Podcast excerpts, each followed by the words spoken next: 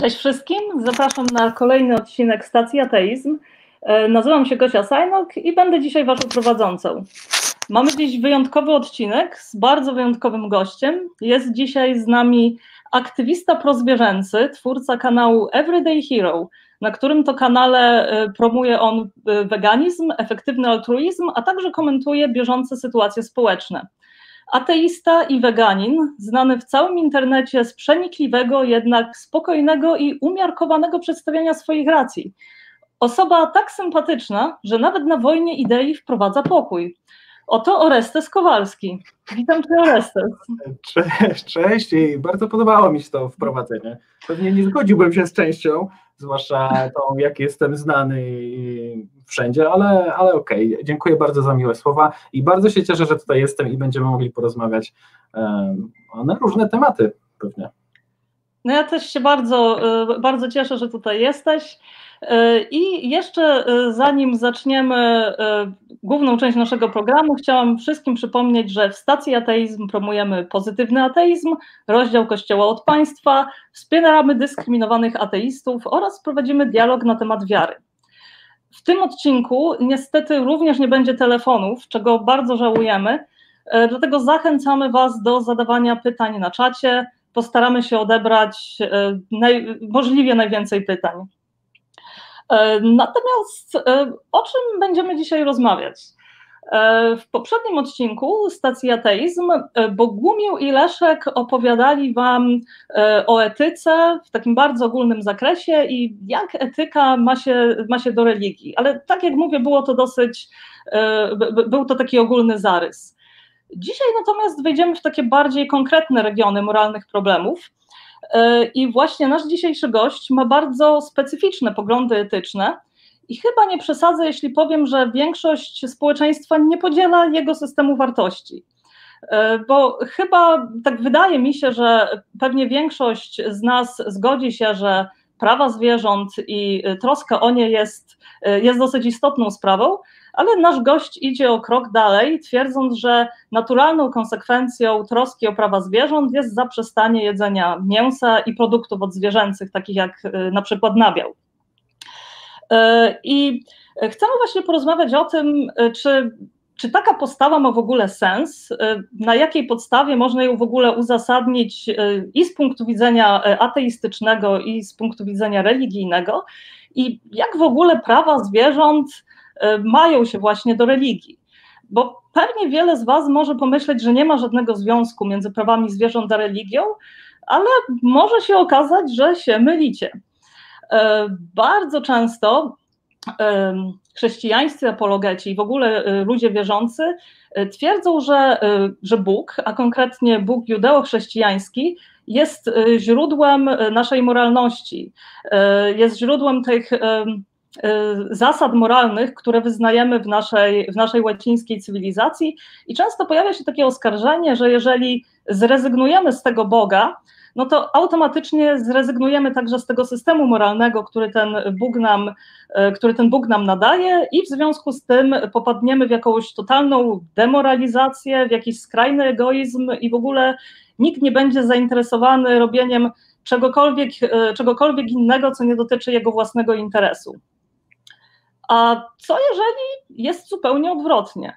Co jeżeli mamy właśnie taką sytuację, że to Bóg chrześcijański nadaje nam bardzo ograniczone zasady moralne, i tak naprawdę, jeżeli odrzucimy tego Boga i zasady moralne, które On nam daje, będziemy mieli ochotę poszerzyć nasze spektrum moralne, czy jak to nazywa e, Peter Singer, będziemy chcieli poszerzyć nasz krąg etyczny. E, zaraz, e, zaraz się przekonamy, do jakich wniosków nas zaprowadzi dzisiejsza rozmowa. E, I natomiast jeszcze zanim właśnie przejdziemy do tego głównego wątku, ponieważ to jest stacja ateizm, chciałam się Ciebie zapytać o Restesie, jaki jest właśnie Twój stosunek do religii? Wiem, że jesteś ateistą, ale myślę, że na pewno nasi widzowie chcieliby wiedzieć więcej na temat E, jak zostałeś ateistą? Jakie było, całe e, tło Twojego zerwania z religią? E, tak, więc mm, ogólnie jest tak, że moja historia przejścia na ateizm nie jest najbardziej interesującą historią, nie jest nawet nawet taką, mm, no myślę, że jest w ogóle nieinteresującą historią. E, ateistą jestem już dosyć długo. Jestem dłużej ateistą niż e, wegetarianinem, e, a później byłem weganinem, a nie jem mięsa od 17 lat, więc jakby myślę, że tak 2-3 lata wcześniej już nie byłem ateistą. Mm, pomimo tego, że byłem wychowywany w domu nie tyle religijnym, co powiedzmy praktykującym, czyli chodziliśmy raz w tygodniu, może raz na dwa tygodnie do kościoła, bo żeby babcia krzywo nie patrzyła na, na, to, co, na to, co robimy, więc trochę to tak to wyglądało. E, nasi rodzice, moi i mojego brata stwierdzili, że, że będziemy, że powinniśmy chodzić aż do bierzmowania, pomimo, że absolutnie sami też nie, nie, są osobami religijnymi, ale tak, żeby pewnie wielu z Was e, rozumie takie podejście, może ma podobne doświadczenia, że, że właśnie, a żeby odklepać to, żeby mieć, mieć ten papierek i, i później z głowy i później możemy robić co chcemy. A już wcześniej, wcześniej już byłem ateistą i nie pamiętam jednego takiego momentu, w którym mm, coś by się stało, coś by na mnie magicznie wpłynęło. Wcześniej też przeczytałem całą Biblię, jak byłem dosyć młody, I myślę, że to też miało duży wpływ na to, jakie, jak postrzegam całą tę kwestię i jak to na mnie wpłynęło, ale tak jak powiedziałem przed chwilą, niestety nie jestem w stanie przypomnieć sobie, który ten kamyczek był ostatnim, który wpłynął na to, jak zmieniły się moje mm, poglądy. Aczkolwiek jestem w stanie sobie przypomnieć, że jak byłem naprawdę mały, to wierzyłem w Boga. Pewnie zdecydowana większość z nas, wychowywanych przynajmniej w, w jakimś stopniu w religii, e, kiedyś wierzyła w tego Boga, mm, ale niestety nie jestem w stanie powiedzieć, jak to się stało, że, że nie wierzę. Myślę, że tak jak w większości przypadków wpływ na to miało naprawdę dużo różnych czynników, mm, tak jak w innych przypadkach, na przykład chociażby z moim mm, weganizmem czy wegetarianizmem, czy tym, w jaki sposób traktuję te rzeczy, także inne. E, mam też nadzieję, że nie wpłynie to na naszą rozmowę to, że będziemy rozmawiać o weganizmie, bo będziemy starać się, ja też się będę starał pokazać, w jaki sposób mm, łączy się to z religią i w jaki sposób religia miała też wpływ w tym, w tym e, konkretnym kontekście, w tym konkretnym temacie, a także mm, no, nadal jest to rozmowa o moralności i niezwykle ważnym, moim zdaniem, problemie moralnym współczesnego świata, więc warto o tym rozmawiać, tak mi się wydaje, zwłaszcza w kontekście też e, ateizmu, czy tego, w jaki sposób postrzegamy religię. E, więc tak wygląda moja niezbyt interesująca historia o ateistycznym zerwaniu z religią, ale no niestety tak to, tak to wygląda. Teraz jestem ateistą, staram się na moim kanale czasami poruszać tę kwestię, bo jest to jednak duża część mojej tożsamości. Uważam, że jest dużo problemów z religią i warto o tym e, mówić szczerze, a także przez to, co robię. Ja mam takie podejście i też kompletnie rozumiem ateistów, którzy, mm, którzy jakby skupiają się tylko na tym, że ateizm, e, brak wiary w Boga i, i nara, nic, nic więcej jakby nie trzeba opowiadać.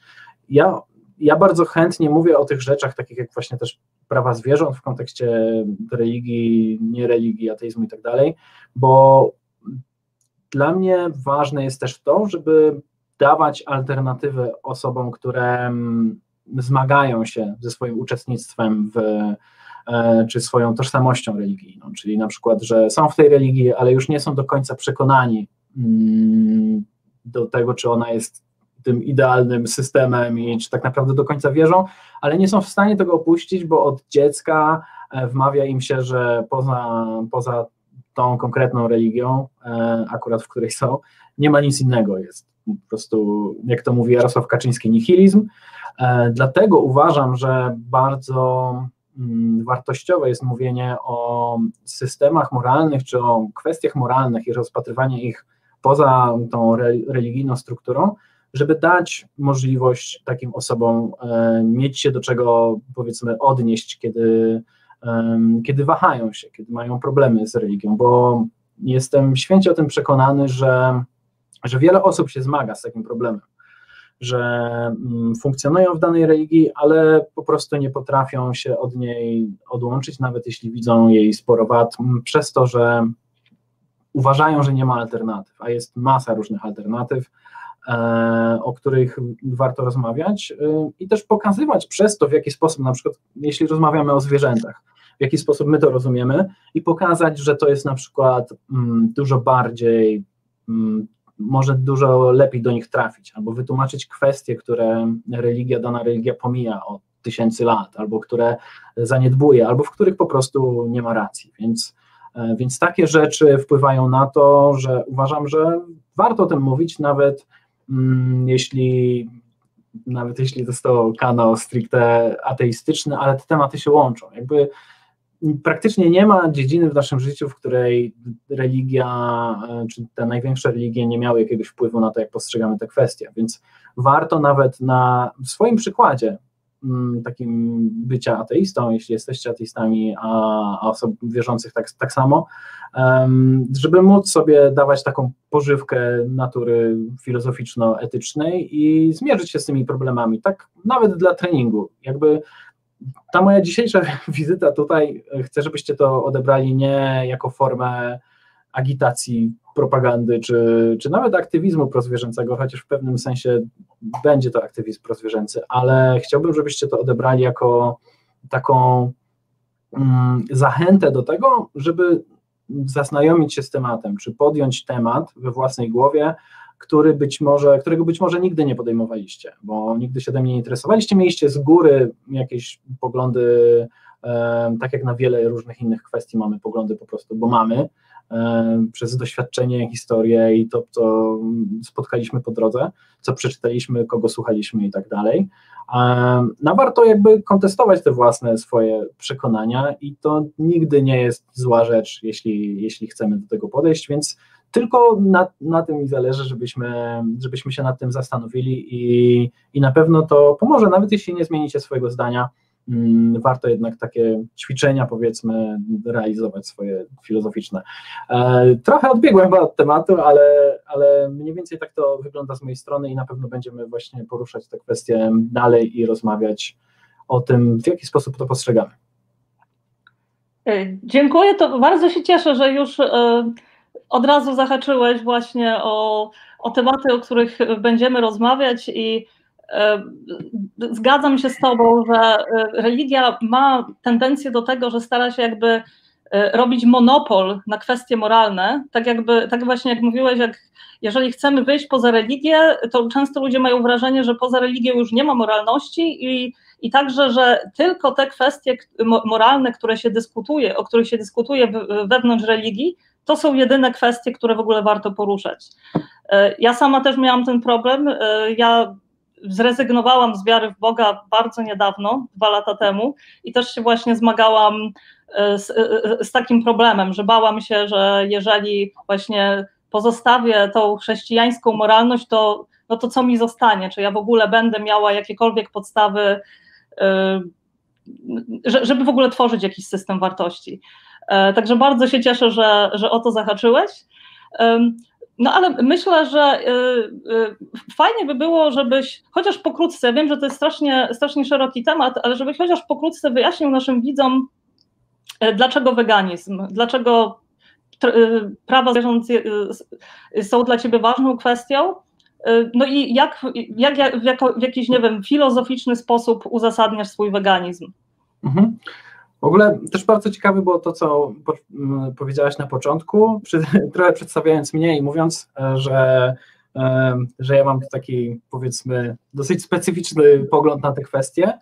E, I rzeczywiście można tak na to spojrzeć. Ja rozumiem takie przedstawienia, ale ja uważam, że tak naprawdę wszyscy się zgadzamy w pewnych kwestiach związanych z prawami zwierząt bo na przykład e, no, większość z nas, większość społeczeństwa, pewnie też większość z Was oglądających to, słuchających, mm, bierze do swojego kręgu moralnego zwierzęta. Oczywiście nie wszystkie, ale, ale warto się nad tym zastanowić. To jest bardzo fajny punkt takiego zaczepienia, czy punkt wyjścia, no bo zupełnie inaczej traktujemy psy, koty, tak zwane zwierzęta domowe, tak samo inaczej traktujemy zwierzęta, te, które spotykamy w naturze, i zupełnie inaczej traktujemy zwierzęta mm, hodowane na mięso, na przykład, czy mleko i jajka.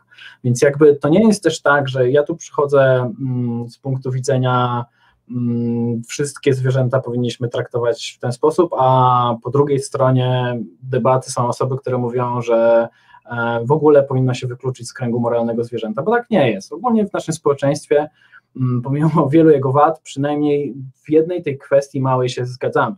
Więc ja po prostu wychodzę trochę dalej, że uważam, że mm, skoro te zwierzęta traktuję w ten sposób, a traktuję dlatego, że mm, potrafią odczuwać cierpienie, e, w wielu przypadkach e, praktycznie wszystkie ssaki, wiele ptaków i tak dalej są też samoświadome, więc jakby to są dla mnie główne punkty wyjścia, tak samo jak traktuje się ludzi. Już dawno odeszliśmy od tego ludzi. E, dawno odeszliśmy od tego postrzegania, że inaczej powinniśmy traktować osoby innym w kolorze skóry, z innej kultury i tak dalej. I doszliśmy do tego punktu wyjścia moralnego, że mm, tak naprawdę chodzi o to, że potrafią odczuwać cierpienia e, osoby i że są tego świadome. Więc jakby to jest ten punkt wyjścia. Więc jeśli to, to stosujemy wobec innych ludzi, nie ograniczając tego do jakichś cech fizycznych czy przynależności kulturowej.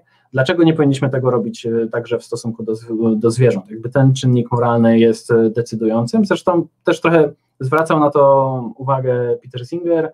Mm, I to jest też dosyć popularny i bardzo ciekawy argument, czyli ten, w którym, który mówi, że mm, czy uda nam się znaleźć cechę, która nie występuje u zwierząt, a gdyby nie występowała u ludzi, usprawiedliwiałoby to traktowanie ich tak samo, jak traktujemy zwierzęta. Czyli na przykład mm, stwierdzamy, że a robimy tak zwierzętom, jak robimy, e, takie hodujemy, zabijamy i tak dalej, bo na przykład nie potrafią e, się komunikować dobrze. No ale wtedy znajdziemy ludzi, którzy też nie potrafią się dobrze komunikować, którzy na przykład są e, mocno upośledzeni albo mają inne problemy a ich tak nie traktujemy. Nadal są w tym kręgu moralnym i nie traktujemy ich tak jak zwierząt. I to nie usprawiedliwia traktowania ich tak jak zwierząt. To jest masa innych przykładów i jest niezwykle ciężko znaleźć na to jakiś yy, kontrargument, który, że na przykład zwierzęta też nie tworzą wspaniałej muzyki, dlatego nie powinniśmy ich traktować, czy jakieś sztuki i tak dalej. No ale też są osoby, które tego nie potrafią, więc jakby nie, tak samo inteligencja i wszystko inne. Mm, nie traktujemy lepiej osoby w sensie takim podstawowym punkcie widzenia moralnym. Nie traktujemy, nie powinniśmy traktować Alberta Einsteina lepiej moralnie niż osoby, która, która ma na przykład niski iloraz inteligencji, bo skupiamy się na tym, co jest najważniejsze w kontekście moralności, czyli właśnie mm, odczuwaniu cierpienia. A problem jest taki, że dlaczego ja na przykład jestem weganinem, bo tego cierpienia w dzisiejszym świecie jest niesamowicie dużo właśnie w kontekście tego, co robimy ze zwierzętami. E, dlatego uważam, że jest to jeden z, jeden z największych i to nie chcę, żeby, żeby zabrzmiało przesadnie, ale naprawdę jeśli spojrzy się na liczby, jest to jeden z największych problemów etycznych współcześnie. Jeśli spojrzymy na ilość cierpienia i tego, ile osób, ile zwierząt jest hodowanych, w jakich, w jakich warunkach przede wszystkim jest hodowanych, ile jest zabijanych rocznie, więc to jest tak niesamowity ogrom tego, e, co się dzieje złego ze zwierzętami i tego, ile cierpienia to powoduje, że dla mnie najbardziej oczywistym, najbardziej oczywistą opcją moralną jest po prostu niebranie w tym udziału, jakby nie dokładanie się do tego. I wiele osób ma takie wyobrażenie, że to jest, a że to jest albo ludzie, albo zwierzęta. Tylko, że to jest takie zupełnie mm, nieprawidłowe przedstawienie sytuacji, bo to nie przedstawiamy, że mamy wybór, że albo zabijemy zwierzę, albo zabijemy człowieka, e, tylko mamy wybór albo zabijemy, że zabijamy zwierzęta wyłącznie po to, żeby zaspokoić jakoś swoje kubki smakowe. Czyli jakby przeciwstawiamy życie, całe to cierpienie, to wszystko, co się dzieje ze zwierzętami, naszym kubkom smakowym, bo doskonale wiemy, że um, żyjąc na, na przykład na diecie roślinnej czy wegetariańskiej, ograniczając jedzenie mięsa, możemy sobie świetnie z tym poradzić, więc jakby mm, ten, ta waga e, tego, co się dzieje, czyli z jednej strony chwilowa przyjemność moja, bo zjem sobie kawałek kotleta, a z drugiej strony to, co się dzieje, dzieje ze zwierzętami, mm, w jaki sposób je traktujemy, to jest dla mnie zupełnie oczywiste. Aczkolwiek to też nie jest, ja nie czuję się lepiej z tym od osób, które jedzą mięso, nie, nie czuję się jakiś e, wybitnie etyczny i tak dalej, bo wiem, jak dużo czynników ma wpływ na to, mm, że, że jestem na przykład weganinem, a że ktoś nie jest, więc jakby też nie jestem, absolutnie nie jestem pierwszą, jestem chyba ostatnią osobą do oceniania innych, bo doskonale wiem, że też ja nie miałem wielkiego wpływu na to, mm, kim, kim jestem i jak to wygląda, ale chciałbym dlatego, żeby że warto się zastanowić też nad tym przykładem, o którym mówiłem, mm, tej cechy, ale też nad tym przykładem, jak postrzegamy też zwierzęta domowe chociażby, że jakby im nadajemy pewną wartość moralną. To też nie jest tak, że ja tutaj chcę e, sugerować, że zwierzęta na przykład mają taką samą wartość moralną co ludzie, bo uważam, że jakby nie, po pierwsze to nie jest prawda, nie, nie stwierdzam, że, że, to jest, że to jest to samo. Tak samo między zwierzętami uważam, że no, mniejszym problemem jest zabicie komara niż zabicie słonia na przykład. E, ale nie o, to, nie o to tutaj zupełnie chodzi, czy, czy jesteśmy na tym samym poziomie, a skoro nie jesteśmy na innym poziomie, to możemy robić ze zwierzętami co chcemy, bo, bo to też nie ma, nie ma podstaw w tym, o czym e, mówiłem przed chwilą, dlatego że jakby nie porównujemy żyć jakby nie, nie decydujemy, że jedne, że jakby losem zwierzęcia to, co z nim zrobimy, to będzie sukces gatunku ludzkiego i to, że, że ja przeżyję, a zwierzę, a zwierzę umrze, bo, bo te czasy się skończyły już dawno temu. E, więc tak, no w skrócie tak to wygląda. Oczywiście mogę jeszcze mm, odpowiedzieć, jeśli masz w tym temacie jakieś pytania. I jakby chciałbym żebyście, żebyście się nad tym zastanowili i nad tym też, w jaki sposób nasze postrzeganie tej kwestii, bo jesteśmy jako społeczeństwo e, mocno, bardzo mocno przywiązani do jedzenia mięsa, podobnie jak wiele osób mm, jest przywiązanych do swojej religii tylko dlatego, że się wychowało w takim społeczeństwie. Pamiętajcie, że jeśli byście żyli w Indiach, to bardzo wiele wskazuje na to, żebyście byli wegetarianami, e, przynajmniej w pewnym względzie, mm, i też byście uważali to za oczywiste, czyli to, to nie jest tak, że każdy tak bez obrazy, bo na pewno wiele, wielu z Was o tym myślało sobie, przemyślało tę kwestię, ale wielu z nas przyjmuje pewne światopoglądy jako oczywiste także z etycznego punktu widzenia, przez to w jakiej kulturze się wychowaliśmy. Więc skoro e, moja rodzina, mój sąsiad, wszyscy dookoła w telewizji jest pokazywane, że jedzenie mięsa to, jedzenie mięsa to nic złego, mm, czy moralnie niewłaściwego, e, to my to przyjmujemy mm, bez nie chcę powiedzieć bezmyślnie, ale trochę, jeśli otrzymujemy non-stop te same bodźce, które mówią w ten sposób, to jest nam dużo trudniej mm, rzeczywiście siąść na, nad tym i z taką czystą kartą swojego umysłu podejść do tego problemu. Więc um, jest to bardzo skomplikowany um, problem i myślę, że nawet czasami porównywalny do tego problemu religijnego, bo jakby wiele osób też wywodzi się z tej kultury i po prostu nie kontestuje tego, co ta religia na przykład mówi, bo po prostu to bierze już jako pewnik, bo tak, tak się wychowała. I oczywiście nie chcę, żeby to zabrzmiało jak obraza dla wszystkich ateistów jedzących mięso, że porównuję jedzenie mięsa do, do religijnych, religijnych praktyk, tylko staram się, żebyśmy mm, wszyscy dostrzegli, jak wiele różnych czynników wpływa na to, co robimy, w jaki sposób robimy, zwłaszcza w kontekście moralnych wyborów, bo to jest niezwykle ważne, bo po prostu możemy się mylić, e, a tak naprawdę nigdy się nad tym nie zastanawialiśmy, nigdy nie braliśmy pod uwagę innego punktu widzenia, albo słyszeliśmy o tym punkcie widzenia, bo każdy z nas pewnie zna jakiś wegan, wegetarian, albo widział jakieś filmy, ale po prostu przez to, w jaki sposób całe życie na to patrzyliśmy, to jest nam dużo trudniej mm, podejść do tego racjonalnie czy, czy merytorycznie. No. Teraz się rozgadałem chyba. Bardzo dobrze.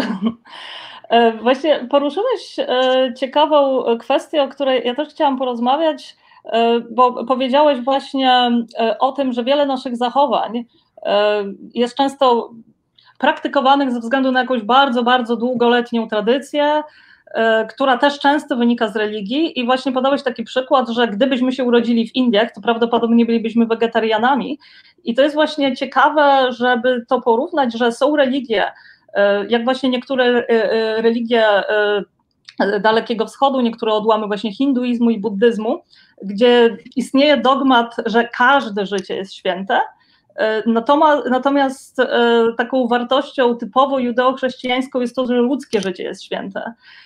I kiedy właśnie się przygotowywałam do naszego odcinka, to zbiera, zbierałam materiały na ten temat, E, skąd się właśnie wzięła ta um, dychotomia człowiek-zwierzę, no to jest ona bardzo mocno e, zakorzeniona właśnie w pewnej religijności, która się, e, która właśnie wykwitła w, nasz, w naszym regionie.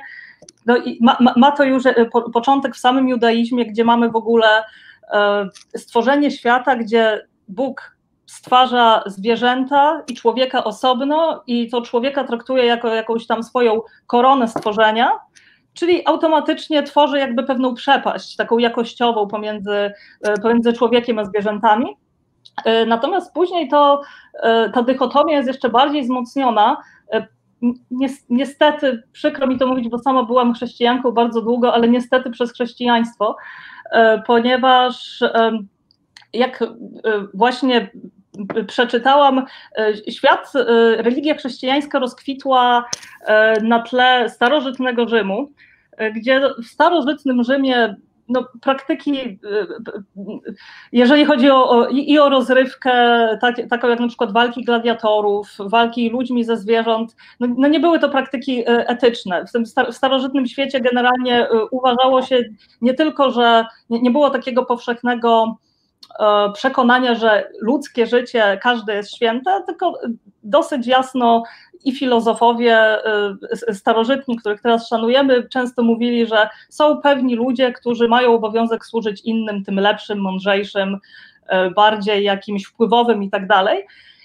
I kiedy chrześcijaństwo właśnie weszło, weszło w taki świat, no to e, automatycznie ze swoimi właśnie wartościami zaczęło głosić, że każde ludzkie życie jest święte, że także życie niewolnika, e, życie kogoś, kto jest gorzej urodzony, życie biedaka i tak dalej.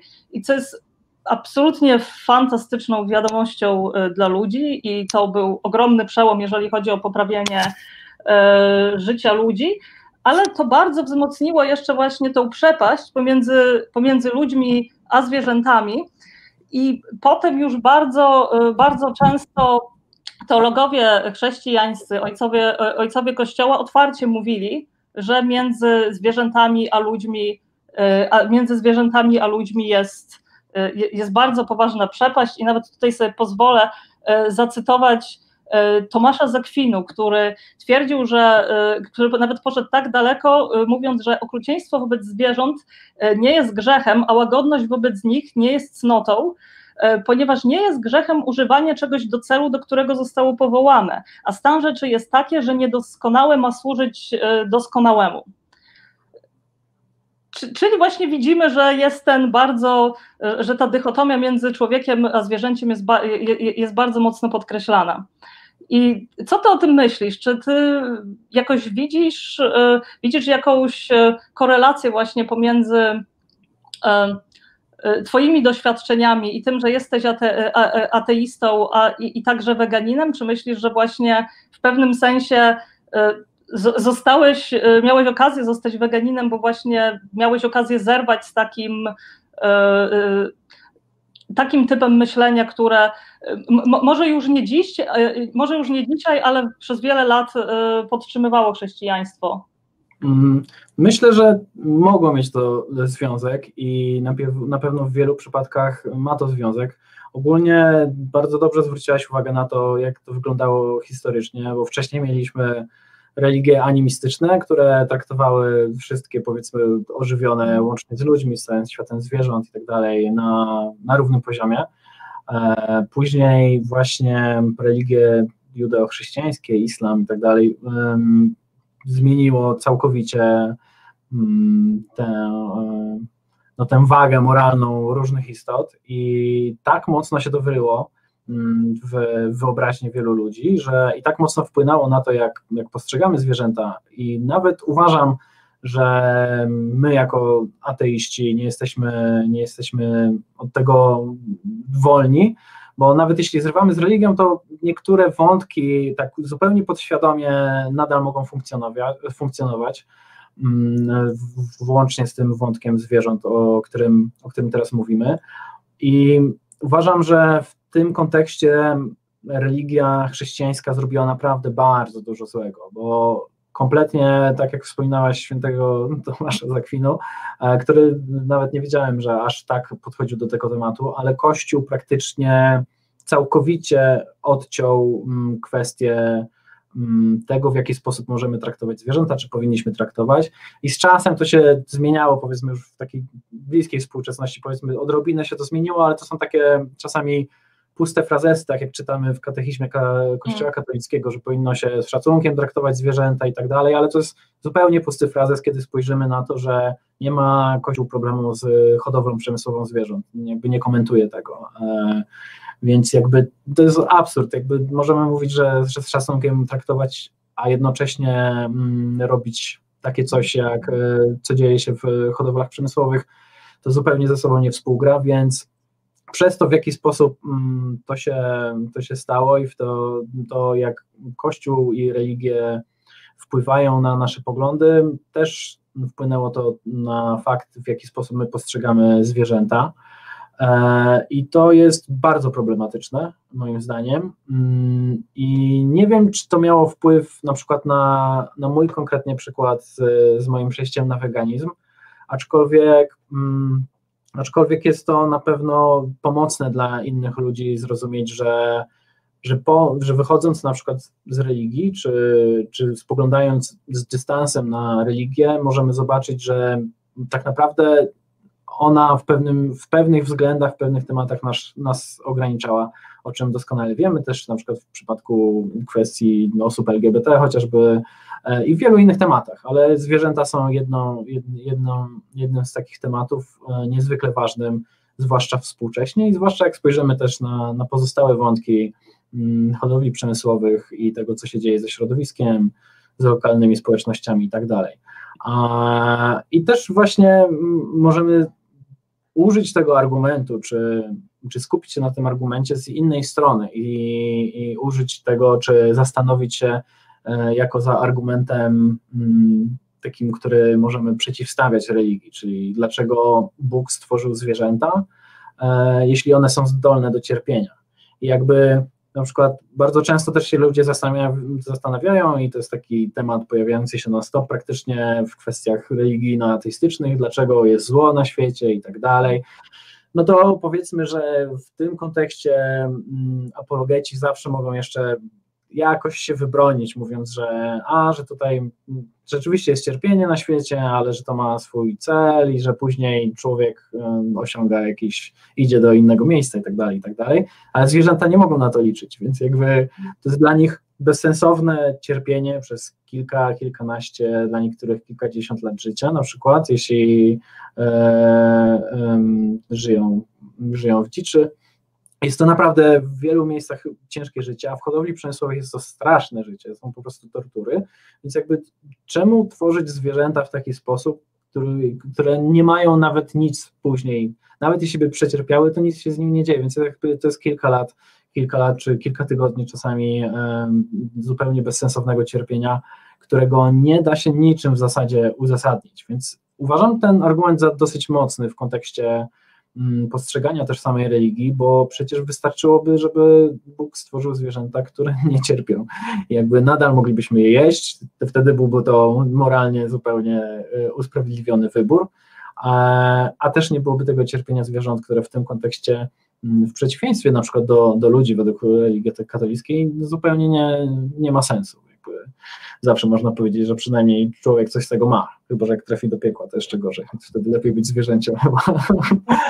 e, tak, no ale jakby to jest zupełnie nieuzasadnione, ale myślę, że zdecydowanie największym problemem jest to, jak my sami postrzegamy.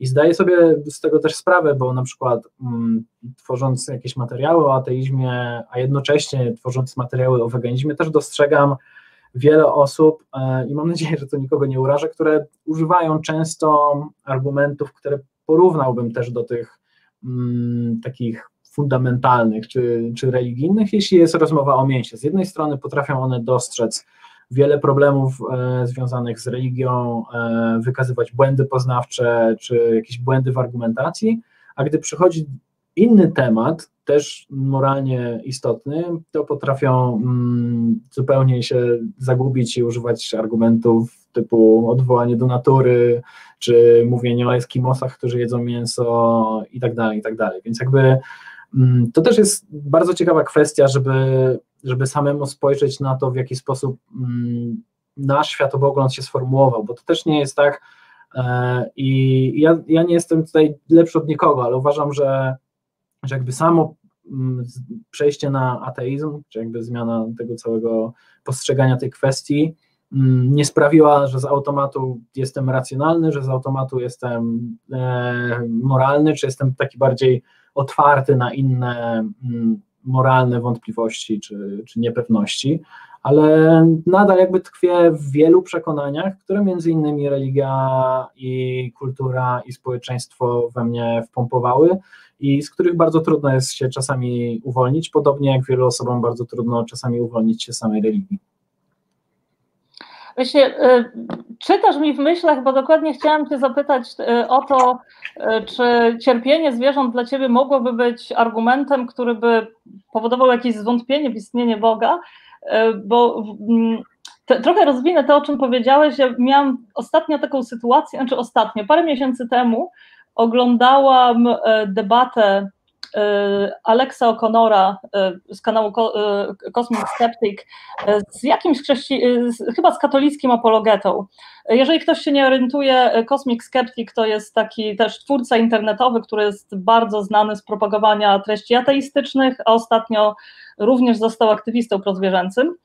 E, I podczas tej debaty, jak debata dotyczyła oczywiście wiary w Boga, i podczas tej debaty, jak to często na takich debatach pada pytanie, e, co by cię przekonało, żebyś zmienił zdanie?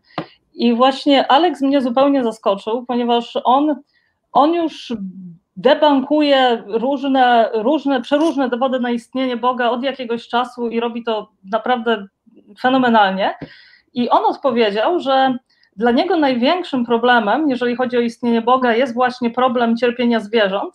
I jeżeli jemu ktoś poda sensowny, sensowną i satysfakcjonującą argumentację, dlaczego zwierzęta cierpią, to on jest w stanie przyjąć koncept Boga.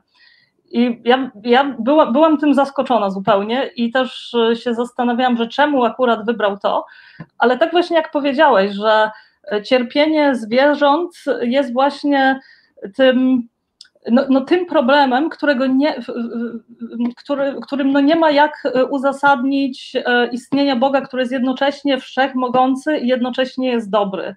Bo zwierzę dokładnie nie ma, ponieważ nie ma nieśmiertelnej duszy i nie ma wolnej woli, więc nie mogło sobie zasłużyć na swoje cierpienie, tak jak zasłużył sobie człowiek e, w tym uniwersum chrześcijańskim człowiek e, cierpi ze względu na swoje przewinienie przez grzech pierworodny, no zwierzę nie mając wolnej woli, no to nie może sobie na to zasłużyć, no i również e, jego cierpienie nie ma żadnego sensu w kontekście życia wiecznego, czyli ani nie zostaje wynagrodzone, ani jakoś przez to cierpienie nie wzrasta. E, i, i muszę przyznać, że faktycznie jest to, jest to dosyć ciekawy problem. A czy ty myślisz, y, że gdyby komuś udało się y, przedstawić tobie właśnie sensowne wyjaśnienie e, cierpienia zwierząt, to myślisz, że to byłoby coś, co by cię zbliżyło do religii, czy, czy zupełnie nie, bo jesteś ateistą z innych powodów? Myślę, że nie. E, jakby ja lubię takie mm, rozważania filozoficzne i z pewnością byłbym w wielkim szoku, gdyby ktoś przedstawił mm, jakąś racjonalną argumentację za tym, dlaczego, dlaczego zwierzęta cierpią, mm, według na przykład religii chrześcijańskiej, ale nie wiem, jaki mogłoby to mieć wpływ na to. Jest tak wiele różnych mm, powodów, dlaczego, dla których nie jestem mm, osobą wierzącą, że jed, załatwienie tego jedne, jednej rzeczy, pomimo tego, że uważam, że jest niesamowicie mocny argument, bo rzeczywiście, tak jak ty mówiłaś, ja też wspominałem, no nie ma tam żadnych podstaw, dla których e, które usprawiedliwiałyby to, że zwierzęta cierpią, e, będąc z drugiej strony pozbawione możliwości e, zbawienia i nie posiadając wolnej woli i tak dalej. Więc jakby byłoby to zaskakujące, jeśli ktoś by znalazł taki argument, aczkolwiek e, no, na pewno nie wpłynęłoby wystarczająco mocno, żebym zmienił swój pogląd ogólnie na, na religię, czy swoją wiarę w Boga i tak dalej. E, ja skoro o tym mówimy, to chciałam Ci podzielić się e, tym, co znalazłam, bo jak właśnie zastanawiałam się nad tą argumentacją y, y, i właśnie Alexa O'Connora i, y, i właśnie jak jak chrześcijanie próbują wytłumaczyć sobie problem cierpienia zwierząt, no to zaczęłam szukać i podzielę się z Tobą moimi, moimi znaleziskami, ponieważ znalazłam, nie było tego dużo niestety, jedyne takie obszerniejsze tłumaczenie, które znalazłam, próbujące wyjaśnić sens cierpienia zwierząt, to było wytłumaczenie E, C.S. Lewisa w książce Problem cierpienia. To jest właśnie książka, która generalnie właśnie do, dotyka problemu, problemu zła i cierpienia na świecie i jest cały jeden rozdział właśnie poświęcony, e, poświęcony zwierzętom. I co pisze e, C.S. Lewis? On on, on, próbuje ten problem rozwiązać w taki sposób dwojaki. Pierwszy jest taki, że on po prostu uważa, że zwierzęta nie odczuwają cierpienia w ten sam sposób jak człowiek, ponieważ człowiek ma samoświadomość, e, natomiast zwierzę może co prawda odczuwać ból, ale on nie ma, ale ponieważ nie ma duszy i nie ma samoświadomości, to nie ma takiego ja, które sobie myśli, odczuwam ból, czyli jest to w pewnym, czyli niby jest ten ból, ale on jest tak bardzo przelotny, że w sumie nie musimy się tym przejmować, bo, y, nie, bo jakby zwierzę nie jest w stanie w ogóle tego zarejestrować.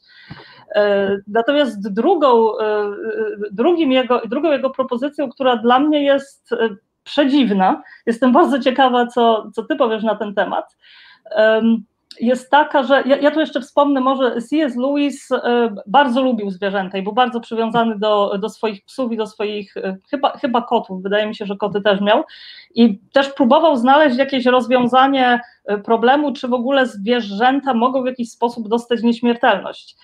I, e, no i wyjaśnił to w taki sposób. E, według, znaczy, to, to znaczy on sam twierdził, że nie jest teologiem, więc to nie jest oczywiście jakieś, jakaś wiążąca katolicka czy chrześcijańska nauka, ale mm, wymyślił coś takiego. E, uznał, że relacja między człowiekiem a zwierzęciem jest odzwierciedleniem relacji między Bogiem a człowiekiem. I w związku z tym to jest tak, że Zwierzę, zwierzę samo w sobie, nawet takie domowe, które lubimy i kochamy, ono nie ma osobowości, tylko to człowiek nadaje mu tą osobowość e, przebywaniem z tym zwierzęciem.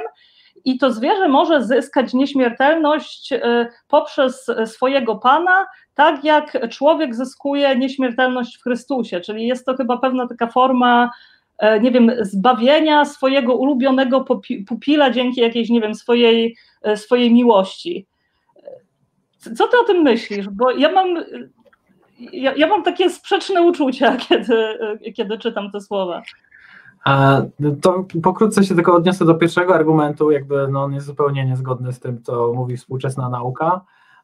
Chociażby kilka lat temu było taki duży raport, mm, zjechali się naj, najważniejsi badacze z zakresu kognitywistyki, z neurobiologii i tak dalej i wydali takie oświadczenie, że że zwierzęta, właśnie wszystkie ssaki, wiele ptaków, też ośmiornice i wiele innych zwierząt są sam, samoświadome i oczywiście to też nie jesteśmy w stanie um, powiedzieć dokładnie, czy to jest ten poziom ludzki, pewnie nie, dużo mniejszy, ale też zupełnie między ludźmi przecież występują różne Mm, różne stopnie samoświadomości, więc e, samo zresztą zdefiniowanie tego pojęcia jest niezwykle trudne, a co dopiero później przyłożenie jakichś e, naukowych ram do tego, ale, ale aczkolwiek jakby to zupełnie jest bezpodstawne, co, e, co było tam powiedziane.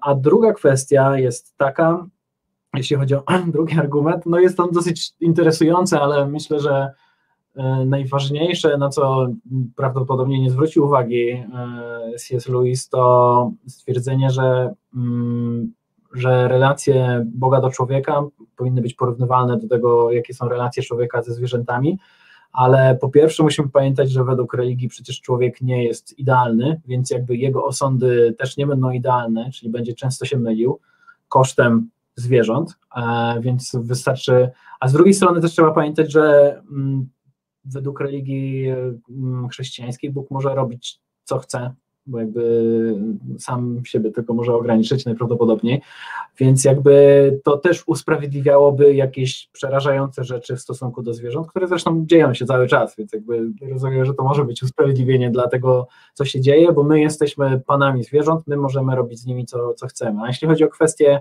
zbawienia wybranych zwierząt, no to myślę, że rzeczywiście to jest najprawdopodobniej niezgodne z, z jakimiś doktrynami katolicyzmu, ale jeśli tak by było, to też to jest mega mm, jakby nieprzemyślany i nielogiczny argument, bo, bo jest zupełnie związany z, po pierwsze z przypadkowością, z tym, że akurat trafiliśmy na to zwierzę, więc e, jakoś związało nam, związaliśmy się z nim emocjonalnie i my to wybieramy, a to jest zupełnie bezpodstawne, żeby, żeby to akurat zwierzę zostało wybrane, a wszystkie inne zostały pominięte, mm, których jest przecież ogromna masa, więc e, Sami też nie chcielibyśmy przecież, żeby, żebyśmy my byli oceniani w ten sposób, czyli na przykład, że a akurat Bóg nas polubił, bez względu na to, co robimy, jacy jesteśmy i tak dalej. E, aczkolwiek pewnie w wielu przypadkach może niektórzy tak, w, tak to postrzegają, ale dlatego, dlatego dziwię się, że takie argumenty zostały użyte, kiedy one same, same sobie przeczą w kontekście relacji człowiek-Bóg, więc jakby to porównanie tej relacji do, do naszej ze zwierzętami jest, jest dziwne po prostu. Ale też, też raczej nie wiem, czy mm, podzielane przez, przez wiele innych osób wierzących. Myślę, że to na pewno nie jest jakaś powszechna doktryna. Myślę, że to. Aczkolwiek uważam, że, że na pewno jest masa osób wierzących, które chciałoby, że na przykład kiedy pójdą do nieba, to tam, żeby ich ulubiony Fafik też tam był, ich ulubiony kot i tak dalej, więc jakby e, i to się nie dziwię, bo emocjonalnie przywiązujemy się do tych zwierząt, ale dlatego też mówię często o weganizmie, bo, bo wszyscy się emocjonalnie przywiązujemy do zwierząt, które widzimy, które są z nami, dostrzegamy w nich, że mają różne charaktery, że są e, inteligentne na swój sposób, że odczuwają ból, zarówno ten fizyczny, jak i psychiczny, no a z drugiej strony pozwalamy na to, co się dzieje ze zwierzętami w hodowlach przemysłowych, jemy mięso i wspieramy ten przemysł, więc jakby już tutaj obojętnie, czy jesteśmy osobami wierzącymi, czy nie, ten problem istnieje i, i dlatego, dlatego uważam, że warto o tym mówić. Tak, ja właśnie myślę, że to też jest taki przykład, właśnie to, to wyjaśnienie takiego e, traktowania właśnie e, zwierząt w taki sposób hierarchiczny, że jesteśmy my właśnie jacy jesteśmy kimś, kto jest wyjątkowy i właśnie możemy, mamy tą boską moc nad zwierzętami. Myślę, że to jest takie bardzo silne porównanie, co też właśnie zdradza stosunek, stosunek C.S. Lewisa do, do zwierząt. Aczkolwiek też nachodzi mnie jednocześnie taka myśl, że jeżeli, że jeżeli mielibyśmy faktycznie uważać, że relacje między Bogiem a człowiekiem są analogiczne do Y, człowieka i zwierzęcia, to ja bym się naprawdę bała, jaki jest ten Bóg. Jeśli my patrzymy, jak, jak my traktujemy tak. zwierzęta, to ja bym się bała takiego Boga. Ale to też, e, ja kiedyś, e, kiedyś o tym mówiłem, chyba w jednym filmie, kiedy mówiłem o chrześcijaństwie i, i naszym stosunku do zwierząt, że bardzo często, kiedy rozmawia się z osobami wierzącymi o, o zwierzętach i o tym, w jaki sposób je traktujemy, pojawia się mm, cytat właśnie z Biblii, z Księgi Rodzaju, że człowiek będzie panował nad zwierzętami. I dla mnie zawsze przedziwne było to, że te osoby zgadzają się, że w takim razie, skoro człowiek panuje nad zwierzętami, to może robić z nimi co, co chce. Aczkolwiek, kiedy to przełożymy na to, jak wyobrażamy sobie panowanie nad nami, czyli nie chcielibyśmy, żeby nasz władca, czy to jest Bóg, czy po prostu nawet niżej, czyli jakiś król i tak dalej, cesarz, że kiedy postrzegamy panowanie nad ludźmi, chcielibyśmy, żeby nagle był Bóg sprawiedliwy, Bóg miłosierny, żeby nas kochał, żeby o nas dbał i tak dalej. I i w takim kontekście naszym ludzkim od razu tak postrzegamy panowanie. A kiedy przychodzi do zwierząt, to nagle interpretujemy ten fragment jako a to możemy je zamknąć, możemy je obcinać ogony, wycinać e, e, zęby, możemy je w zasadzie torturować i następnie zabić i zjeść, a sami nie chcielibyśmy, żeby tak, żebyśmy też tak byli traktowani.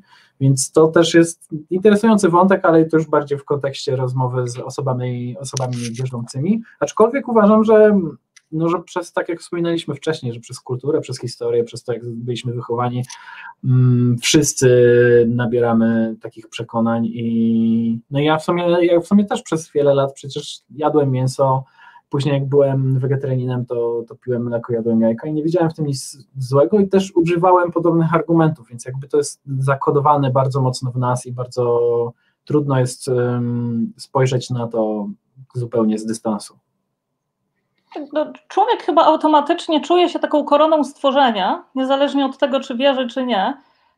Ja sama, kiedy właśnie już zrezygnowałam z religii, no to sama miałam właśnie takie jednak poczucie, że które nie wiem skąd się, znaczy no oczywiście z religii, ale z, nie mogłam tego logicznie uzasadnić, że jednak no, no, no człowiek jest jakimś takim, czy koroną stworzenia, czy jakąś taką, mówiąc bardziej ateistycznie, finalnym produktem ewolucji, no a w sumie tak nie jest, no bo na jakiej zasadzie mamy określić, gdzie idzie ewolucja?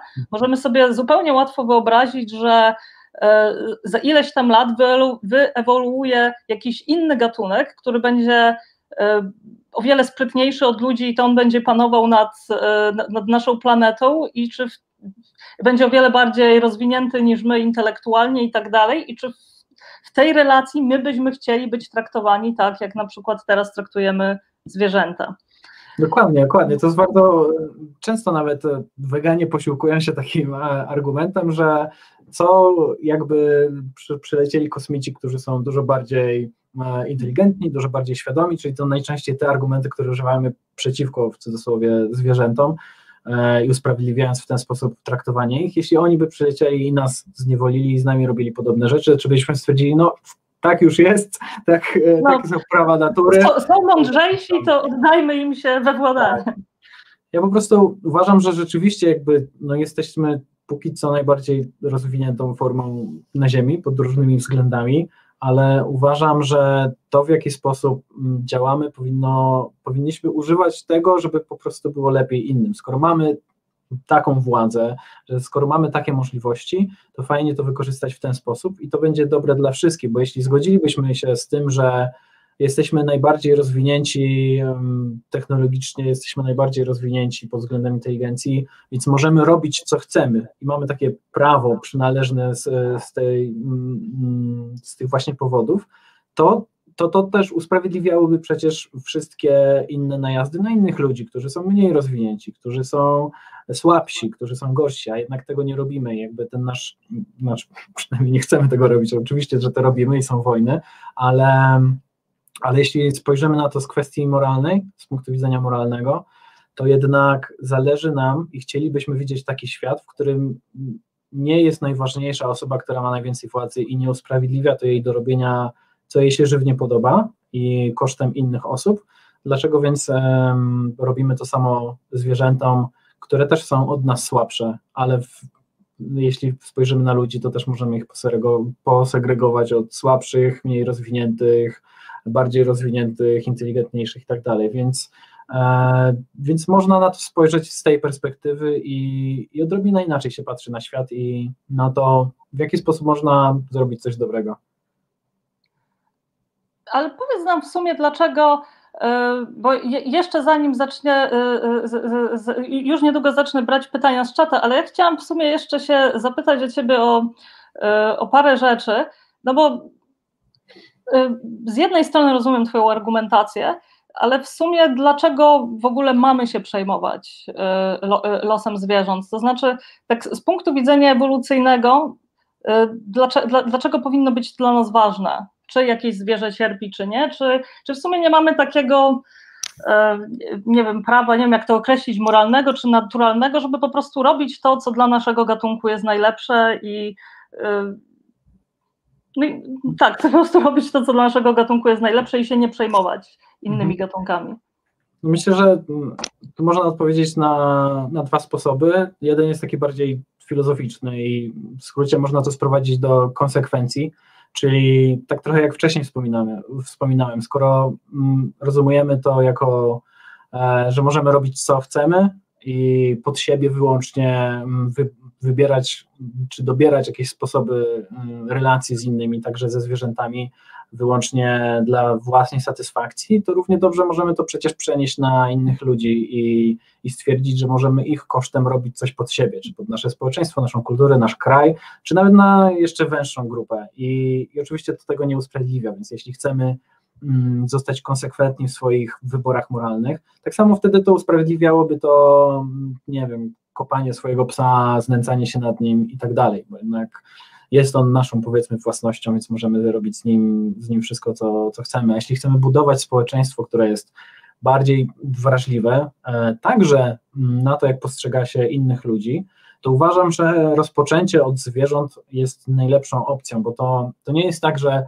a skupiacie się na zwierzętach, e, a macie w poważaniu ludzi. Ja uważam, że jeśli nauczymy ludzi dbać o zwierzęta, spoglądać na nie z perspektywy jakichś podmiotów moralnych, którymi są, moim zdaniem, mm, to to pokaże, że skoro potrafimy zajmować się najsłabszymi, to będziemy też się e, zajmować najsłabszymi w naszym otoczeniu, w naszym społeczeństwie, po prostu innymi ludźmi.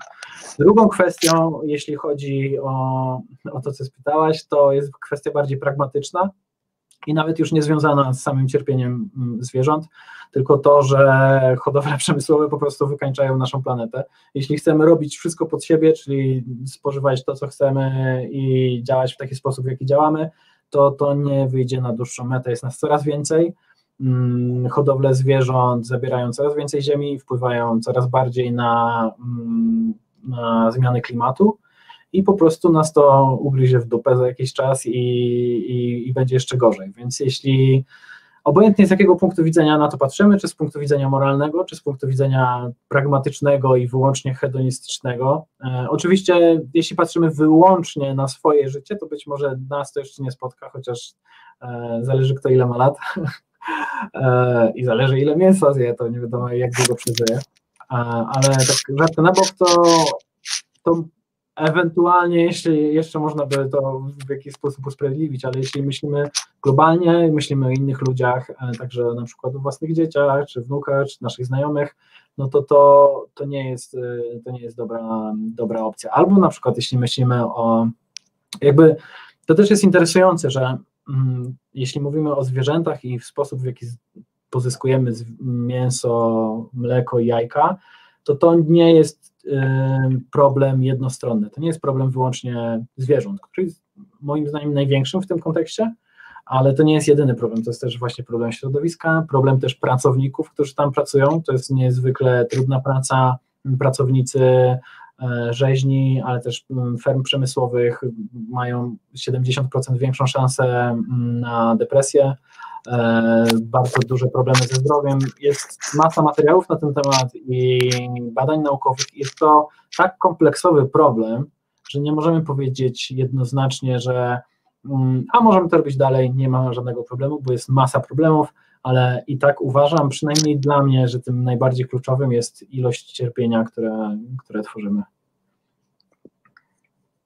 E, a powiedz mi jeszcze, o czymś takim, ponieważ bardzo często spotkałam się z taką argumentacją, że weganizm jest trochę jak religia. I muszę przyznać, że mogę zobaczyć pewne analogie. No jest to jakaś, jest to jakaś zamknięta grupa, która no ma jakieś swoje określone, ma jakąś swoją ideologię, jak, czyli jakieś zasady, jak powinno się żyć, ma jakąś swoją etykę, można nawet powiedzieć pewne rytuały. I też nie umiem się e, oprzeć, żeby nie zobaczyć takiej analogii pomiędzy e, weganizmem a trochę taką nauką o, e, o katolickiej czystości. To znaczy, że my rezygnujemy z pewnych rzeczy, z jakiejś, poddajemy kontroli jakąś naszą przyjemność w imię jakiegoś wyższego celu, który no, no, no, czy, no, czy ten cel ma do końca sens? No bo jakby się na to nie patrzeć, E, cierpienia, które jest wokół nas, nie jesteśmy w stanie zlikwidować. I nawet nie wiem, czy w ogóle e, etyczna konsumpcja jest możliwa, a przynajmniej nie wydaje się być możliwa w naszym współczesnym systemie ekonomicznym. E, co, co o tym myślisz?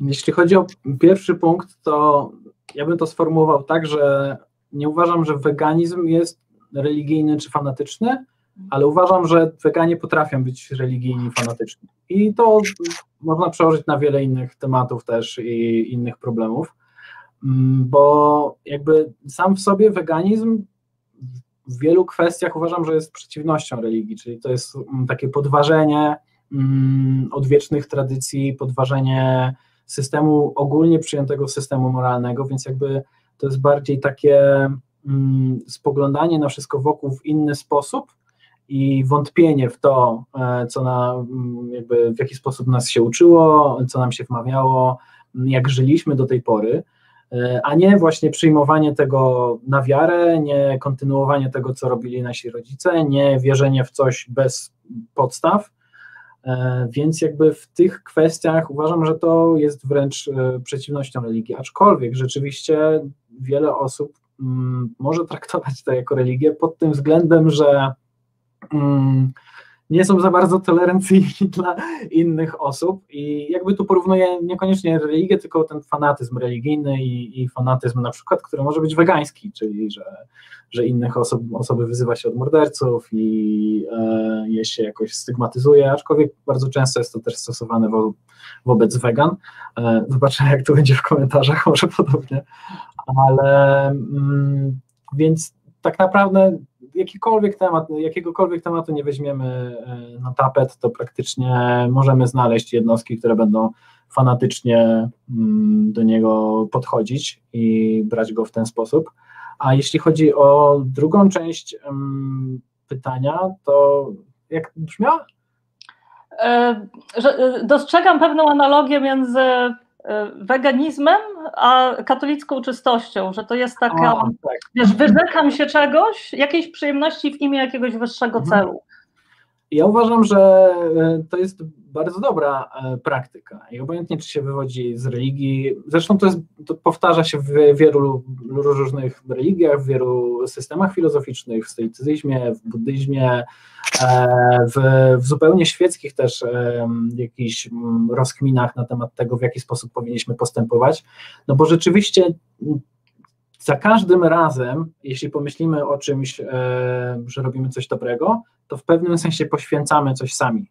Więc nawet jeśli robimy coś, coś dobrego dla ludzi, to poświęcamy czas, poświęcamy swoją wygodę, bo musimy się spotykać z jakimiś problemami, poświęcamy e, swoje często pieniądze na przykład i tak dalej. Więc jakby mm, robiąc coś dobrego, zawsze się coś poświęca i musimy we własnych głowach sobie jakoś przekalkulować e, własne poświęcenia na to, jaki będzie tego efekt. I uważam, że w kwestii zwierząt jest to dosyć jednoznaczne, mm, że nasza, nasza wygoda, czy nasz, nasze kubki smakowe, ta chwilowa przyjemność, bo pamiętajmy, że to jest chwilowa przyjemność z jedzenia na przykład kotleta, jest zupełnie nieporównywalna z tym, co musimy zrobić na przykład zwierzęciu, żeby, żeby dojść do takiego etapu, więc, więc rzeczywiście mm, nie porównywałbym tego absolutnie do jakiejś ascezy, że musimy się biczować, zamykać i jeść tylko brokuły i ziemniaki, e, ale uważam, że to jest naprawdę bardzo dobra rzecz, jeśli chcemy się rozwijać jako ludzie. E, jest to bardzo dobra rzecz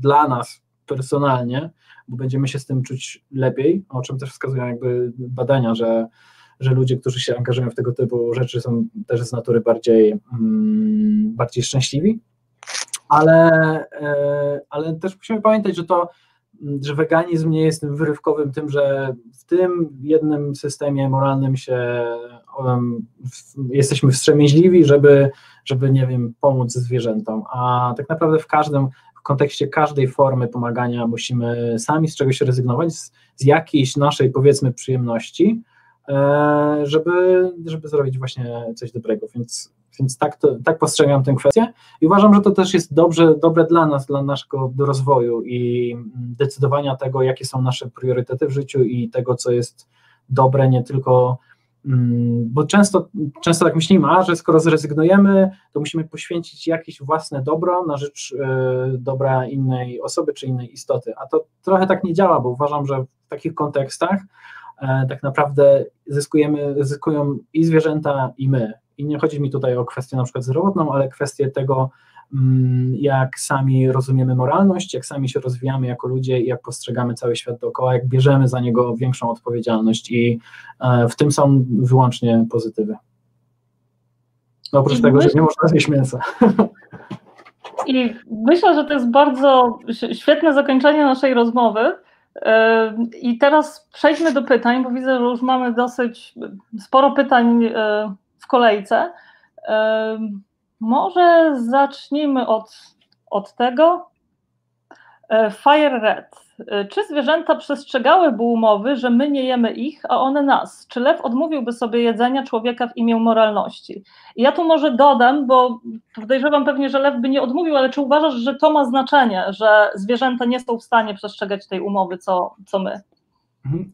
Ja uważam, że właśnie to jest duży problem postrzegając. E, zwierzęta mm, jako takie podmioty, które mogą dokonywać moralnych decyzji, bo nie mogą.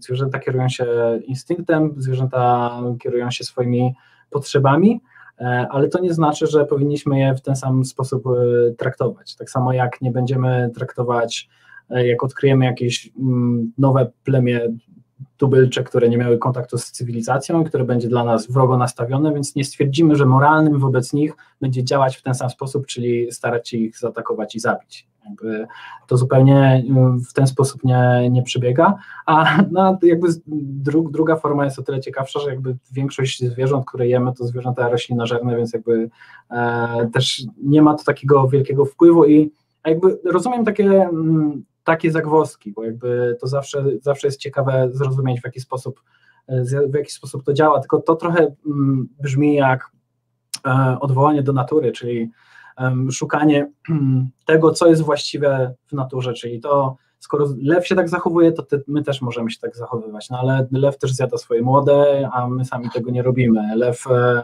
e, robi różne dziwne inne rzeczy e, i my też w tych względach się nie, jakby nie, nie dostosowujemy własnych zachowań i własnych systemów moralnych pod to, co, co dzieje się w naturze. E, I dlatego nie do końca jestem przekonany, jak wygląda ten argument. A dodatkowo no, największym problemem jest w dzisiejszym świecie to, w jaki sposób mm, wygląda przemysłowy chów zwierząt i to absolutnie jakby nie, jakby nie ma związku teraz z, z tym, co lew by zrobił, bo nie ma też związku z tym, co by kura zrobiła, którą specjalnie hodowaliśmy po to, żeby ją zabić.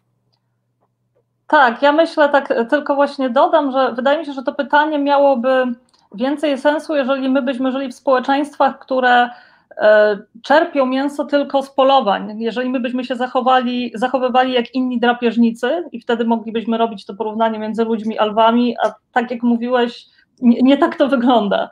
Jemy faktycznie tak. zwierzęta roślinożerne i wychowujemy je na fermach. Jeszcze jedno, co chciałem dodać, a jakby absolutnie też e, uważam, że jeśli to byłaby sytuacja, że musimy zabić albo sami umrzeć, to jesteśmy całkowicie usprawiedliwieni, żeby to zrobić.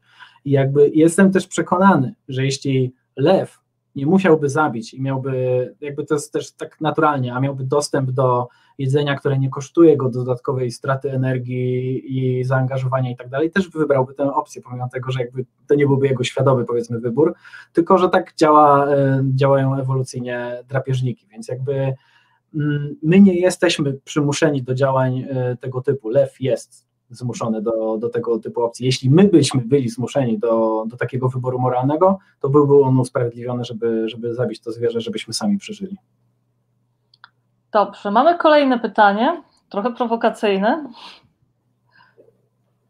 E, gender Woman. Ciekawa jestem, czy Orestes miałby opory przed zabiciem tasiemca czy motlicy wątrobowej, czy też dy dyskryminuje zwierzęta, lubiąc tylko wybrane? Orestes, czy miałeś kiedyś tasiemca? Nie, nie miałem kiedyś tasiemca. Przepraszam, jeśli nie byłem świadomy. Nie byłem świadomy. Ogólnie też jest tak, co chciałbym, żeby było jakby jasne. Mm, weganizm też nie polega na tym, że, że uważam, że całkowicie zlikwidujemy cierpienie zwierząt, jeśli wszyscy przejdą na weganizm. Że jakby to, że żyjemy i to w jaki sposób funkcjonujemy jako ludzie, nie ma szans, e, żeby nie wpływać jakoś negatywnie na, na zwierzęta. Nawet um, uprawiając ziemię na warzywa, owoce i inne rośliny, no wpływamy na, na inne zwierzęta negatywnie. Jakby to jest fakt. Uważam też, że jesteśmy usprawiedliwieni, kiedy zwierzęta e, wpływają na nasze bezpieczeństwo, na nasze zdrowie czy życie. Więc jakby w tych wypadkach nie miałbym problemu. Podobnie jakby mnie zaatakowało zwierzę, to chciałbym się, się bronić. Więc podobnie z tasiemcem i motlicą wątrobową, cokolwiek to jest. Ogólnie też jakby nie znam, e, nie wiem dokładnie, jak wygląda kwestia samoświadomości odczuwania bólu przez te zwierzęta. E, pasożyty, e, więc to jakby nie jest aż taki problem dla mnie w kontekście tego, jak postrzegam pozostałe kwestie, na których się skupiam, czyli właśnie przemysłowych u zwierząt, ale właśnie z takiego punktu widzenia mm, naszego bezpieczeństwa, naszego zdrowia, to, to nie ma w tym nic złego. Czy to kwestia, tak dopytam, czy to w takim razie kwestia możliwości odczuwania bólu jest dla Ciebie tym progiem, który, który ma znaczenie. Tak, tak, zdecydowanie. Mhm, dlatego też niektórzy weganie nawet dopuszczają pewne, mm, pewne powiedzmy zwierzęta, te nie pamiętam, to nie były małże, ale niektóre, w których nie ma układu nerwowego, aczkolwiek no jakby to też, to są po prostu takie rzeczy, które możemy szukać i takie drobnostki, których się czepiać i których mm, kwestia tego, czy, czy ma to sens, czy nie ma sensu, będzie taka bardziej chwiejna niż w przypadku innych, ale jeśli mówimy o tych zwierzętach, które są najważniejsze i których jest zdecydowanie najwięcej, to właśnie tam jest takie mm, po prostu dla mnie bezsprzeczna kwestia tego, jak powinniśmy je traktować i co z nimi robić. Okej, okay, teraz mamy kolejny. Ale, ale sprawdzę później, co to jest motylica wątrobowa, jestem bardzo ciekaw. E, wiesz co, e, ja nie chcę tutaj robić takiej dużej dygresji, ale był kiedyś taki odcinek z Archiwum X o wielkiej motylicy wątrobowej, co atakowała ludzi. To znaczy, ona była oczywiście taka. E, taka horrorystyczna, nienormalna, ale to jest chyba jakaś forma pasożyta, który może, który może żyć w Twoim ciele, podobnie jak tasiemiec i, E, czy owsiki na przykład. E, ale tymczasem mamy kolejne pytanie. Robert Chmielewski. Jestem na diecie karniwora, jem tylko mięso. Pomogło mi to zwalczyć depresję, nadwagę. Dzięki temu lepiej mogę służyć swojej rodzinie. Członek rodziny jest, rozumiem, jest, jest dla mnie wart więcej.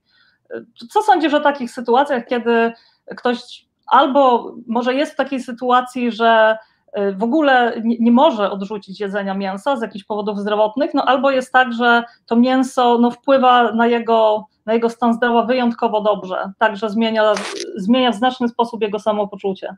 Mhm.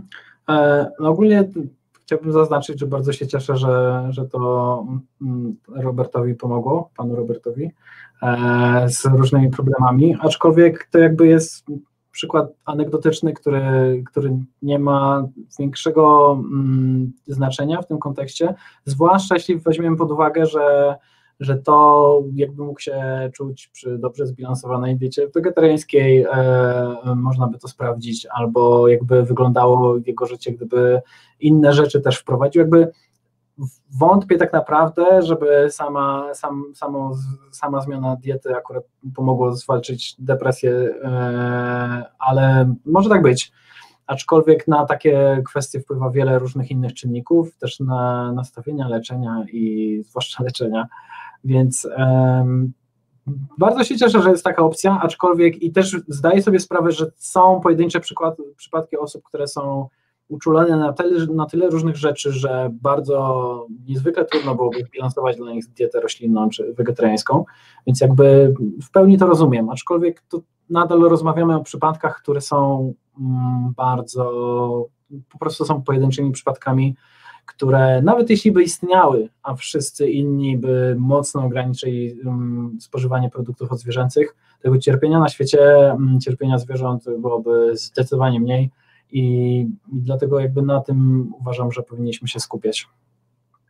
Aczkolwiek jakby nie polecam diety karniwora, ale nie jestem dietetykiem. Okej, okay. a tu mamy takie pytanie, myślę, że będziesz mógł się rozwinąć bardzo.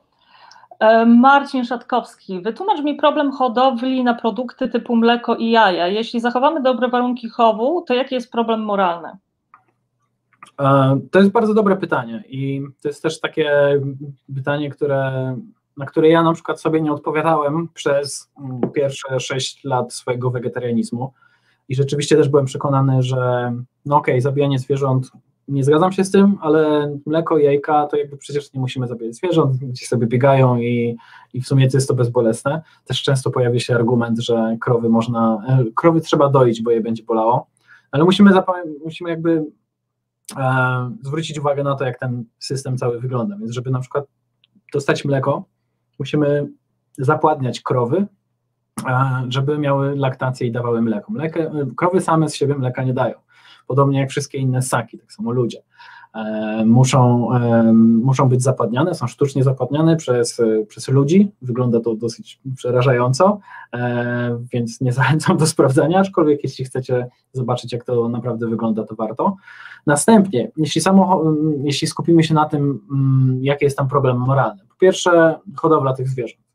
Przeważnie wygląda to naprawdę fatalnie. To nie jest tak, że mm, te krowy sobie siedzą na pastwiskach, przychodzi tam pani z wiaderkiem codziennie, one sobie wesoło biegają. Przeważnie są one zamknięte przez cały czas, prawie nigdy nie wychodzą albo czasami wychodzą. E, warunki są na przykład naprawdę straszne. Po drugie, musimy pamiętać, że jeśli są zapłodnione, żeby dawać mleko, to co się dzieje z cielakami? Cielaki są zabijane, więc jakby już mamy jeden dodatkowe powiedzmy ofiary bezwzględne tego e, przemysłu. Dodatkowo musimy pamiętać, że dawanie mleka na, w takich ilościach, w jakich dają współczesne krowy, czyli hodowane wyłącznie po to, żeby dawać jak najwięcej mleka, są eksploatowane do granic możliwości przez kilka lat swojego życia, przeważnie tak do 4-5 i na koniec są też zabijane. A powiedzmy w naturze, chociaż nie ma krów w naturze, ale jakbyśmy je zostawili na przykład w różnych sanktuariach dla zwierząt, e, mogą żyć kilkanaście lat. Więc jakby są one wcześniej zabijane, są w tragicznych warunkach, cielaki są zabijane, a jeśli chodzi o jajka, jest bardzo, bardzo powiedzmy podobna sytuacja, że mamy zwłaszcza jeśli mówimy o jajkach trójkach, których jest najwięcej, jest ponad 90% jajek, które mamy w marketach, to są jajka trójki, czyli tak, wszystkie mm, męskie kurczaki, e, które się wykluwają, są w Polsce przeważnie są zagazowywane, wsadzane do takich worków, e, są e, albo zagazowywane, albo po prostu worki są zawiązywane, żeby same się udosiły, bo po prostu przecież męski kurczak jajek nie będzie przynosił. Więc to już mamy pierwsze ofiary, których jest bardzo dużo, wydaje mi się, że jest około kilku miliardów rocznie na całym świecie zabijanych po prostu kurczaków, tak z samego faktu, że jemy jajka. No bo nie zawsze przecież nie każde jajko to będzie kura e, płci żeńskiej, powiedzmy. E, to jest pierwszy problem. Drugi problem, podobnie jak we wszystkich innych, to, to też musi być jakby mm, niesamowicie ważnie zaznaczone, że kiedy mówimy o współczesnych hodowlach, Czyli największym problemem hodowli, hodowli przemysłowych jest sam fakt nie zabijania zwierząt, ale warunków, w jakich żyją, czasu, w jakim żyją i tego, czego doświadczają. Więc jakby to jest największy problem. Ale jeśli stwierdzimy, że ok, będziemy z tych najlepszych miejsc brali, um, bo kury znoszące jajka trójki mają fatalne warunki, naprawdę fatalne, dlatego niektóre kraje wprowadzają zakaz hodowli zwierząt w klatkach, ale jeśli byśmy wybrali nawet te najbardziej naturalne, ekologiczne miejsca, w których kury biegają sobie, albo tak zwane od sąsiadki i e, krowy, które się pasą na łąkach, to po pierwsze nie jesteśmy w stanie zrobić takiego systemu, żeby starczyło dla wszystkich e, i absolutnie starczy to tylko dla, dla garstki, bo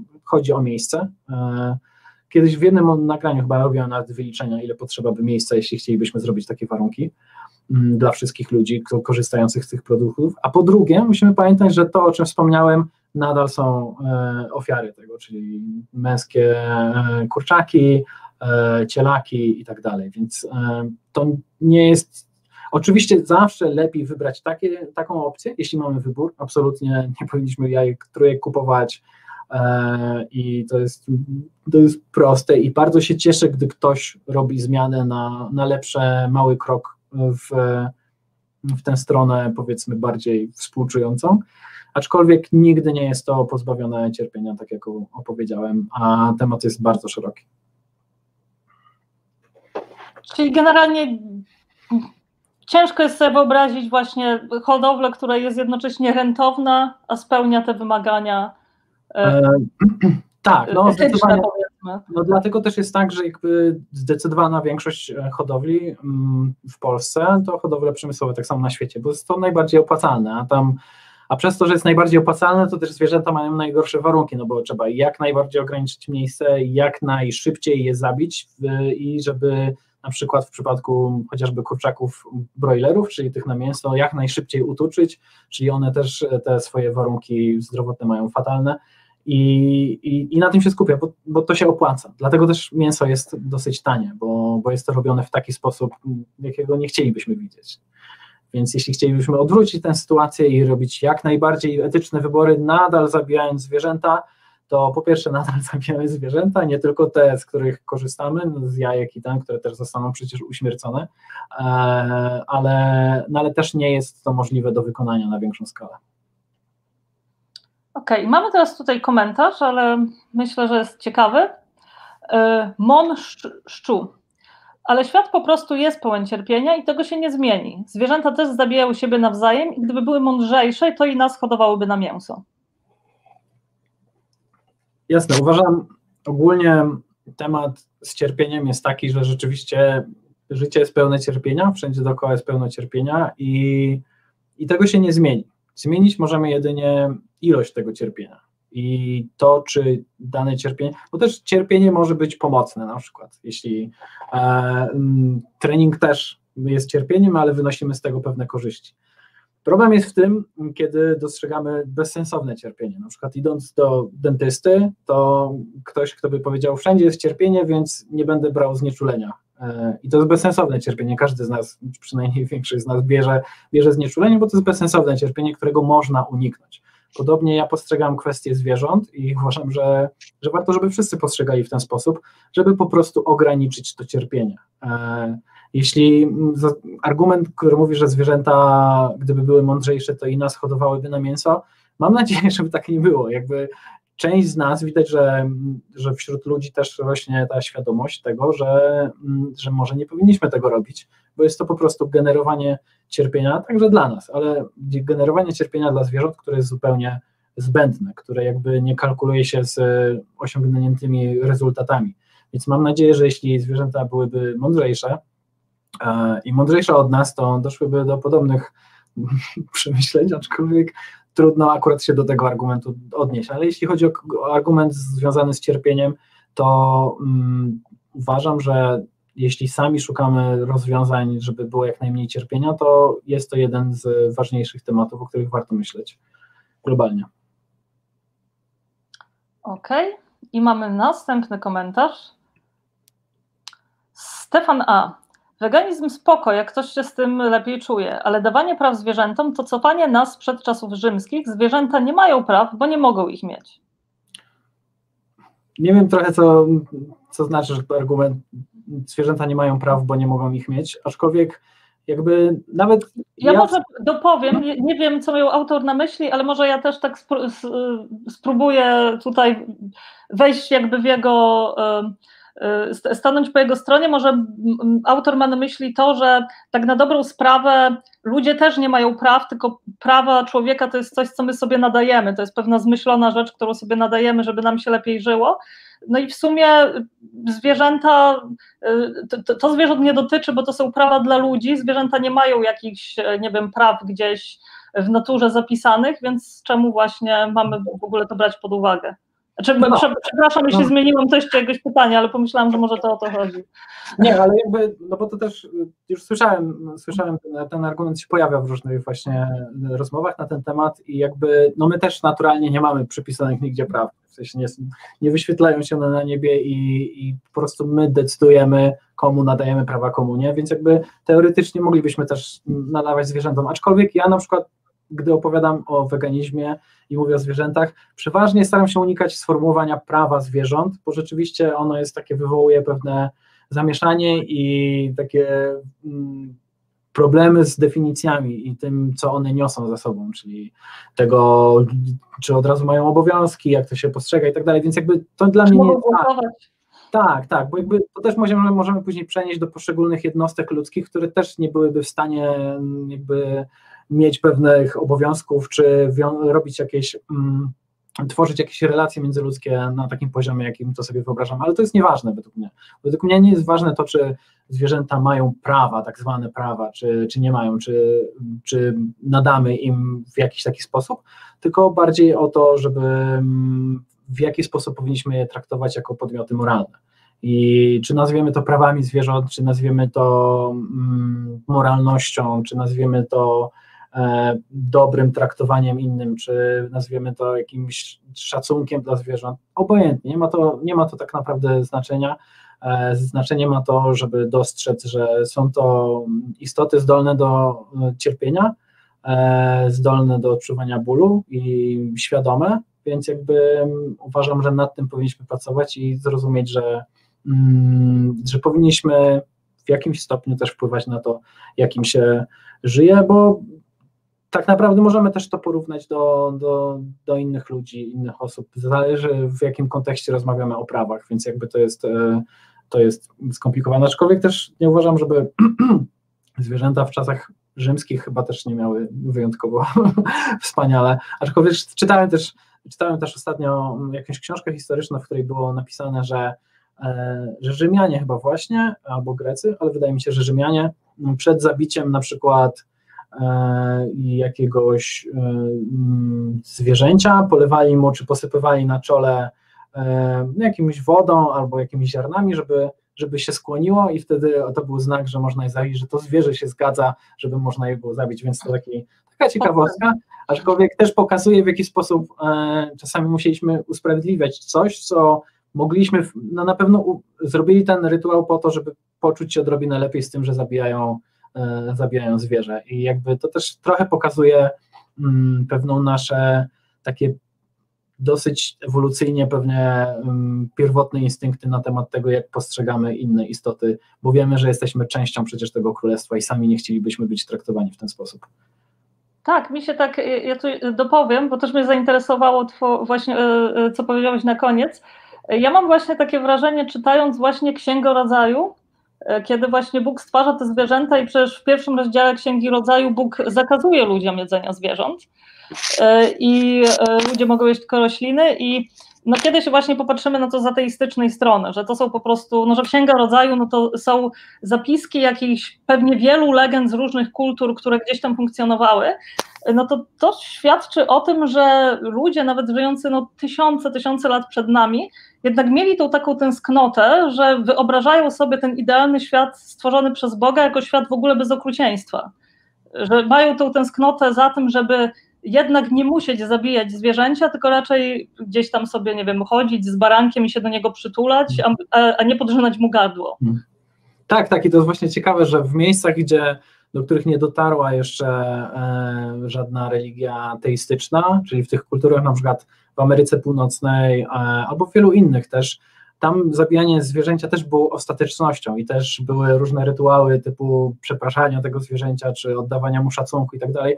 To jest bardzo ciekawe, że jakby mamy też takie ewolucyjne, mm, ewolucyjną potrzebę takich reakcji i no i myślę, że no bo teraz możemy łatwiej o tym mówić, bo jesteśmy niesamowicie odcięci od tego, co się dzieje za murami ferm i jakby idziemy do marketu, dostajemy mięso i kompletnie nie mamy związku jakiegoś emocjonalnego z tym, co tam się dzieje, ale jestem przekonany, że jeśli sami musielibyśmy zabijać te zwierzęta, czy utrzymywać w takich warunkach, patrzeć na to i je zabijać następnie, to dużo łatwiej byłoby nam zrezygnować z tego typu praktyk. Dobrze, i mamy następne pytanie. E, Mateusz Noga, jaki jest Wasz stosunek do mięsa produkowanego laboratoryjnie? Czy będąc weganinem spróbowałbyś takiego mięsa i czy jadłbyś je regularnie? Ja uważam, że kiedy rozmawiamy o zwierzętach i o tym, żeby ograniczyć cierpienie, to mięso produkowane laboratoryjne jest na, e, współcześnie największą nadzieją na to, że że ten system całkowicie się zmieni. I jestem wielkim fanem tego, żeby rozwój szedł w ten sposób, bo uważam, że dużo łatwiej jest wprowadzić mięso e, produkowane laboratoryjnie, laboratoryjnie, które będzie identycznie pod względem składu, tak naprawdę będzie miało lepszy skład, bo będzie można dopasowywać pod swoje wymagania czy swoje chęci, mniej tłuszczu, więcej tłuszczu, mniej białka i tak dalej, ale smak będzie identyczny na przykład, e, forma będzie taka jak chcemy, mniej ziemi to zabiera, mniej e, wody i tak dalej. Mm, I oczywiście, co jest najważniejsze, nie ma tam cierpienia zwierząt, czy nie będzie. Mm, więc jakby ja jestem ogromnym fanem, bo uważam, że dużo łatwiej jest wprowadzić coś takiego e, i dać to ludziom, którzy stwierdzą, że dobra, jeśli to będzie ta sama cena albo niższa, a, a będzie to smakowało identycznie, a czasami nawet będzie zdrowsze, no to wybiorą to, bo są przyzwyczajeni do smaku mięsa i nie chcą z niego rezygnować, niż jeśli chcielibyśmy, żeby ludzie po prostu przestali jeść mięso.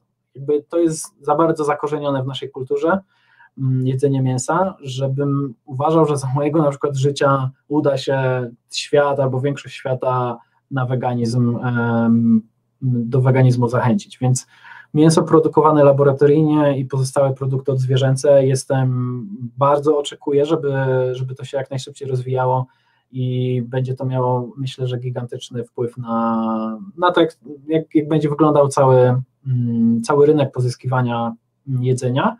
I zdecydowanie będzie to dużo bardziej po prostu etyczne i lepsze, i lepsze dla wszystkich. Mm, a jeśli chodzi o to, czy sam bym spróbował takiego mięsa, myślę, że z ciekawości pewnie tak, aczkolwiek ja na przykład nie mam takich potrzeb, mm, nie mam takiego potrzeby, żeby wracać do, do smaków mięsnych, czy, czy czegoś, za czym tęsknię.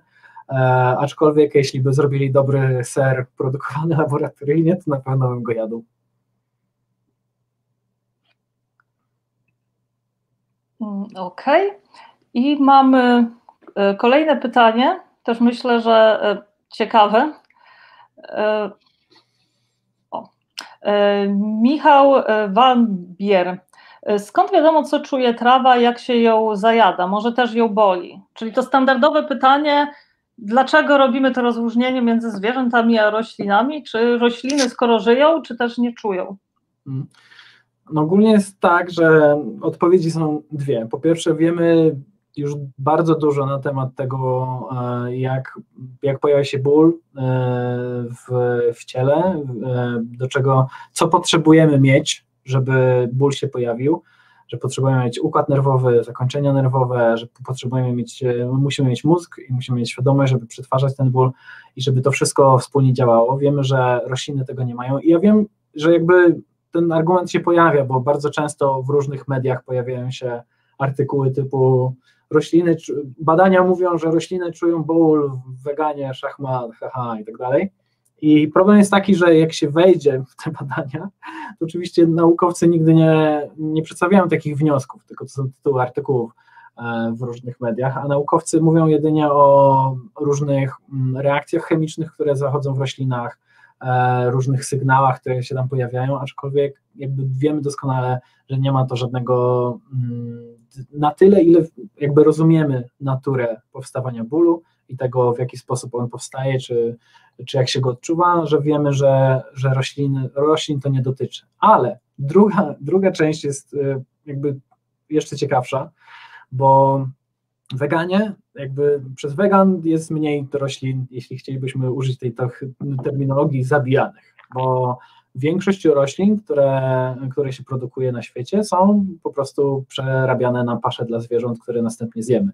Jakby ten, żeby uzyskać kilogram mięsa, musimy naprawdę bardzo dużo e, paszy dać temu zwierzęciu, żeby ono to zjadło i przerobiło to na, E, na mięso i zawsze, mm, zawsze jest to więcej. Obojętnie czy mówimy o kurczakach, czy mówimy o krowach, czy mówimy o świniach, zawsze więcej mm, pod względem kilogramów, kalorii e, i w większości przypadków też białka musimy jakby roślin przymielić i dać tym zwierzętom. Więc nawet jeśli chcielibyśmy wybierać bardziej etycznie, gdyby rośliny też czuły ból, to i tak weganizm by w tym przypadku wygrywał, bo wtedy mniej roślin by się niszczyło i zadawało im ból. Więc trochę, trochę tak wygląda ta kwestia. Okej, okay. i mamy jeszcze pytanie, sama jestem ciekawa. E, e, Mateusz Noga po raz kolejny, proszę zapytać Orestesa o jego stosunek do miodu. O Boże, to jest, są dwa moje ulubione pytania, których nie lubię dostawać. E, jedno to jest właśnie mój stosunek do miodu, a drugie czym karmię zwierzęta swoje. Mm, więc mój stosunek do miodu jest dosyć niesprecyzowany. I ja ogólnie prawie nie używam miodu. E, mam wyjątkowe sytuacje, kiedy jest coś słodkiego, jest akurat z miodem, to jest mm, dla mnie tak niewiele znaczący i wpływający na, na na to, co się dzieje dookoła mm, produkt, że, że zjem taką opcję, aczkolwiek też nie jestem fanem miodu, więc to dla mnie nigdy nie był problem pod względem moralnym, bo po prostu sam nie kupowałem nigdy miodu. A jeśli chodzi o to, jaki mam stosunek do produkcji miodu, to jest on dosyć trudny do sformułowania, bo obiecywałem to swoim widzom na kanale już od dłuższego czasu, ale nigdy nie mogę się do tego zebrać, żeby zrobić dobre badania na temat tego, w jaki sposób rzeczywiście miód się produkuje. Ja wiem, że można go produkować na różne sposoby, które są zarówno bardzo mm, nieetyczne, jak i takie prawie neutralne, neutralne etycznie, więc, więc to jest dla mnie, e, obiecuję, że rzeczywiście to zrobię i wiem też, że są zagraniczne materiały, tylko kwestia jest też taka, jak rozmawiałem, kiedyś specjalnie rozmawiałem o tym z pewnym naukowcem zajmującym się owadami, ja wiem, że on mógł być dosyć subiektywnie nastawiony, bo sam też nie był weganinem, sam y, ma kilka uli u siebie, ale on mi tłumaczył przez 40 minut, po czym po tych 40 minutach miałem tak naprawdę więcej pytań niż, niż odpowiedzi od niego, w jaki sposób to wygląda i czy to jest etyczne, czy nie, więc też pod względem tego, w jakim kraju jesteśmy, bo w Stanach już jest dużo bardziej to uprzemysłowione i na przykład dużo łatwiej jest im po, po jednym sezonie zabijać wszystkie pszczoły, dla nich to bardziej opłacalne i, i później coś robić. Jakieś takie dziwne rzeczy są i nie do końca się orientuję w tym temacie, dlatego ja nie lubię wypowiadać się w tematach, w których nie zrobiłem dobrego researchu, dlatego też nie mam sprecyzowanego mm, zdania na temat miodu i wolę go po prostu póki co unikać niż, e, niż zrobić ten research pewnie kilkudniowy i, i wtedy objąć jakieś stanowisko. Aczkolwiek jeśli też często mam tak, że jeśli mam jakieś wątpliwości na jakiś temat związany z moralnością i na przykład możliwym cierpieniem innych istot, to przeważnie, jeśli nie jest to super problematyczne, to lepiej tego nie robić niż e, robić, bo wiadomo, że, że ta druga opcja mm, pociąga za sobą pewne konsekwencje, które mogą być mniejsze lub większe. Ja myślę, że też pewnie trudno jest się jakoś tak utożsamić z pszczołą, jak na przykład można już bardziej ze świnią czy krową. Nie to, mamy... to jest ogólnie też, też problem zwierząt e, hodowanych na, na mięso, że po pierwsze nie mamy z nich kontaktu, więc jest mega, mega trudno. Po drugie są one przez całe nasze życie tak dosyć mocno od nas oddalone też kulturowo, przez to, że są przedstawiane wyłącznie jako kiełbaski, kotlety i tak dalej. Też na przykład dużo trudniej jest na pewno utożsamić się z, z kurą niż z krową. E, krowa jest jednak odrobinę lepiej ją odbieramy niż, niż kurę, która jest dla nas takim czasami głupim ptakiem, to jest też niezgodne z prawdą, e, więc mm, jest mega, dlatego ten temat naszego, naszych relacji ze zwierzętami jest mega skomplikowany, że wpływa na to język, wpływa na to kultura, wpływają na to tradycje, e, religia też na to wpływa, więc jest tyle elementów, które tworzą nasz, nasze postrzeganie tej kwestii, że niezwykle, no, że to jest trudny temat. Nie jest, nie jest tak oczywiste, jak wielu wegan mówi, że albo dostrzegasz cierpienie, albo nie dostrzegasz i, i, jesteś fatalny, bo, bo tak nie jest. To jest trudne. Mamy jeszcze, y, z, z, zrobimy jeszcze dwa pytania szybko? Pewnie, pewnie. E, dobrze, to mamy takie pytanie. Robert Chmielewski, jako człowiek jedzący tylko mięso, od wegan słyszę tylko o Belgii i życzenia śmierci. To nie jest właściwa forma dyskusji. A co gość o tym sądzi? Mm, ze swojej strony chciałbym powiedzieć, że też nie mam jakby takiego autorytetu, żeby w ten sposób przemawiać, ale bardzo przepraszam za, za takie formy. Jakby czuję się jakby członkiem społeczności wegan i gdy widzę takie komentarze, jest mi naprawdę smutno. I po pierwsze, dlatego, że zdaję sobie sprawę, z, że nie znam historii danej osoby, nie znałbym historii Twojej, więc wypowiadanie się, dlaczego jesz mięso, e, nie jest dla mnie takie oczywiste, że ze stwierdzeniem, że, że robisz coś złego, bo po prostu wpływa na to, tak jak wspomniałem wcześniej, masa różnych powodów. A drugą kwestią jest to, że jest to szalenie nieskuteczne, jeśli chciałbym Cię na przykład zachęcić. Więc jakby ostatnią rzeczą, którą mogę zrobić, żeby zachęcić kogoś do mm, ograniczania jedzenia mięsa, jest obrażanie go, no bo jakby wystarczy wyobrazić sobie, czy sami byśmy byli przekonani do tego, mm, czy, mm, czy nas by przekonało to, kiedy ktoś by nas obrażał.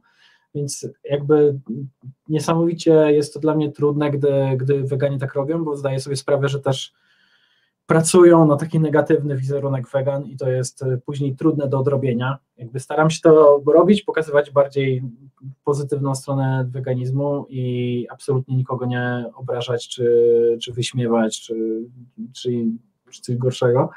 E, dlatego, dlatego to jest smutne, ale jedno, jakby z czego chciałbym, żebyś mm, też spojrzał na to trochę z innej strony, jest zawsze, zawsze gdy widzę takie mm, tego typu komentarze, czy w ogóle rozmowy na inne tematy, też związane z religią na przykład, to staram się myśleć bardziej współczująco, empatycznie, bardziej starać się zrozumieć, dlaczego dana osoba tak robi.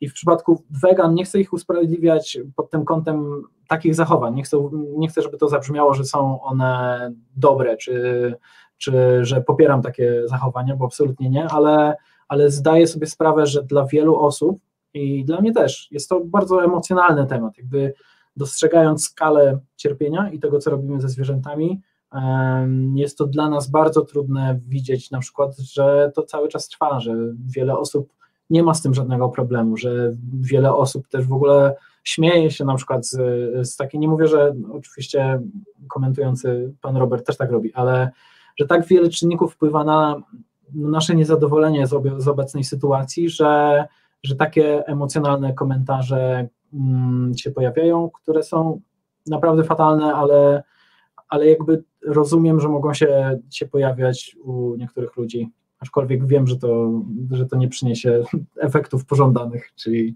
zmniejszenie liczby jedzących mięso osób. I na koniec e, myślę, że przyjemne pytanie.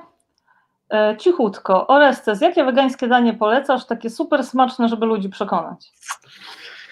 O, to akurat nie jest dobre pytanie dla mnie, bo ja jestem prostakiem, jeśli chodzi o kuchnię. Ja lubię takie proste rzeczy. E, lubię spaghetti, bardzo lubię spaghetti wegańskie, więc jeśli e, chciałby się przekonać kogoś, jakbym ja chciał kogoś przekonać, to zrobiłbym pewnie e, spaghetti z przepisu jadłonomii. Tam są takie kulki, takie kotlety z tofu i z musztardy i z czegoś tam. Brzmi dziwnie, ale jest to mega smaczne.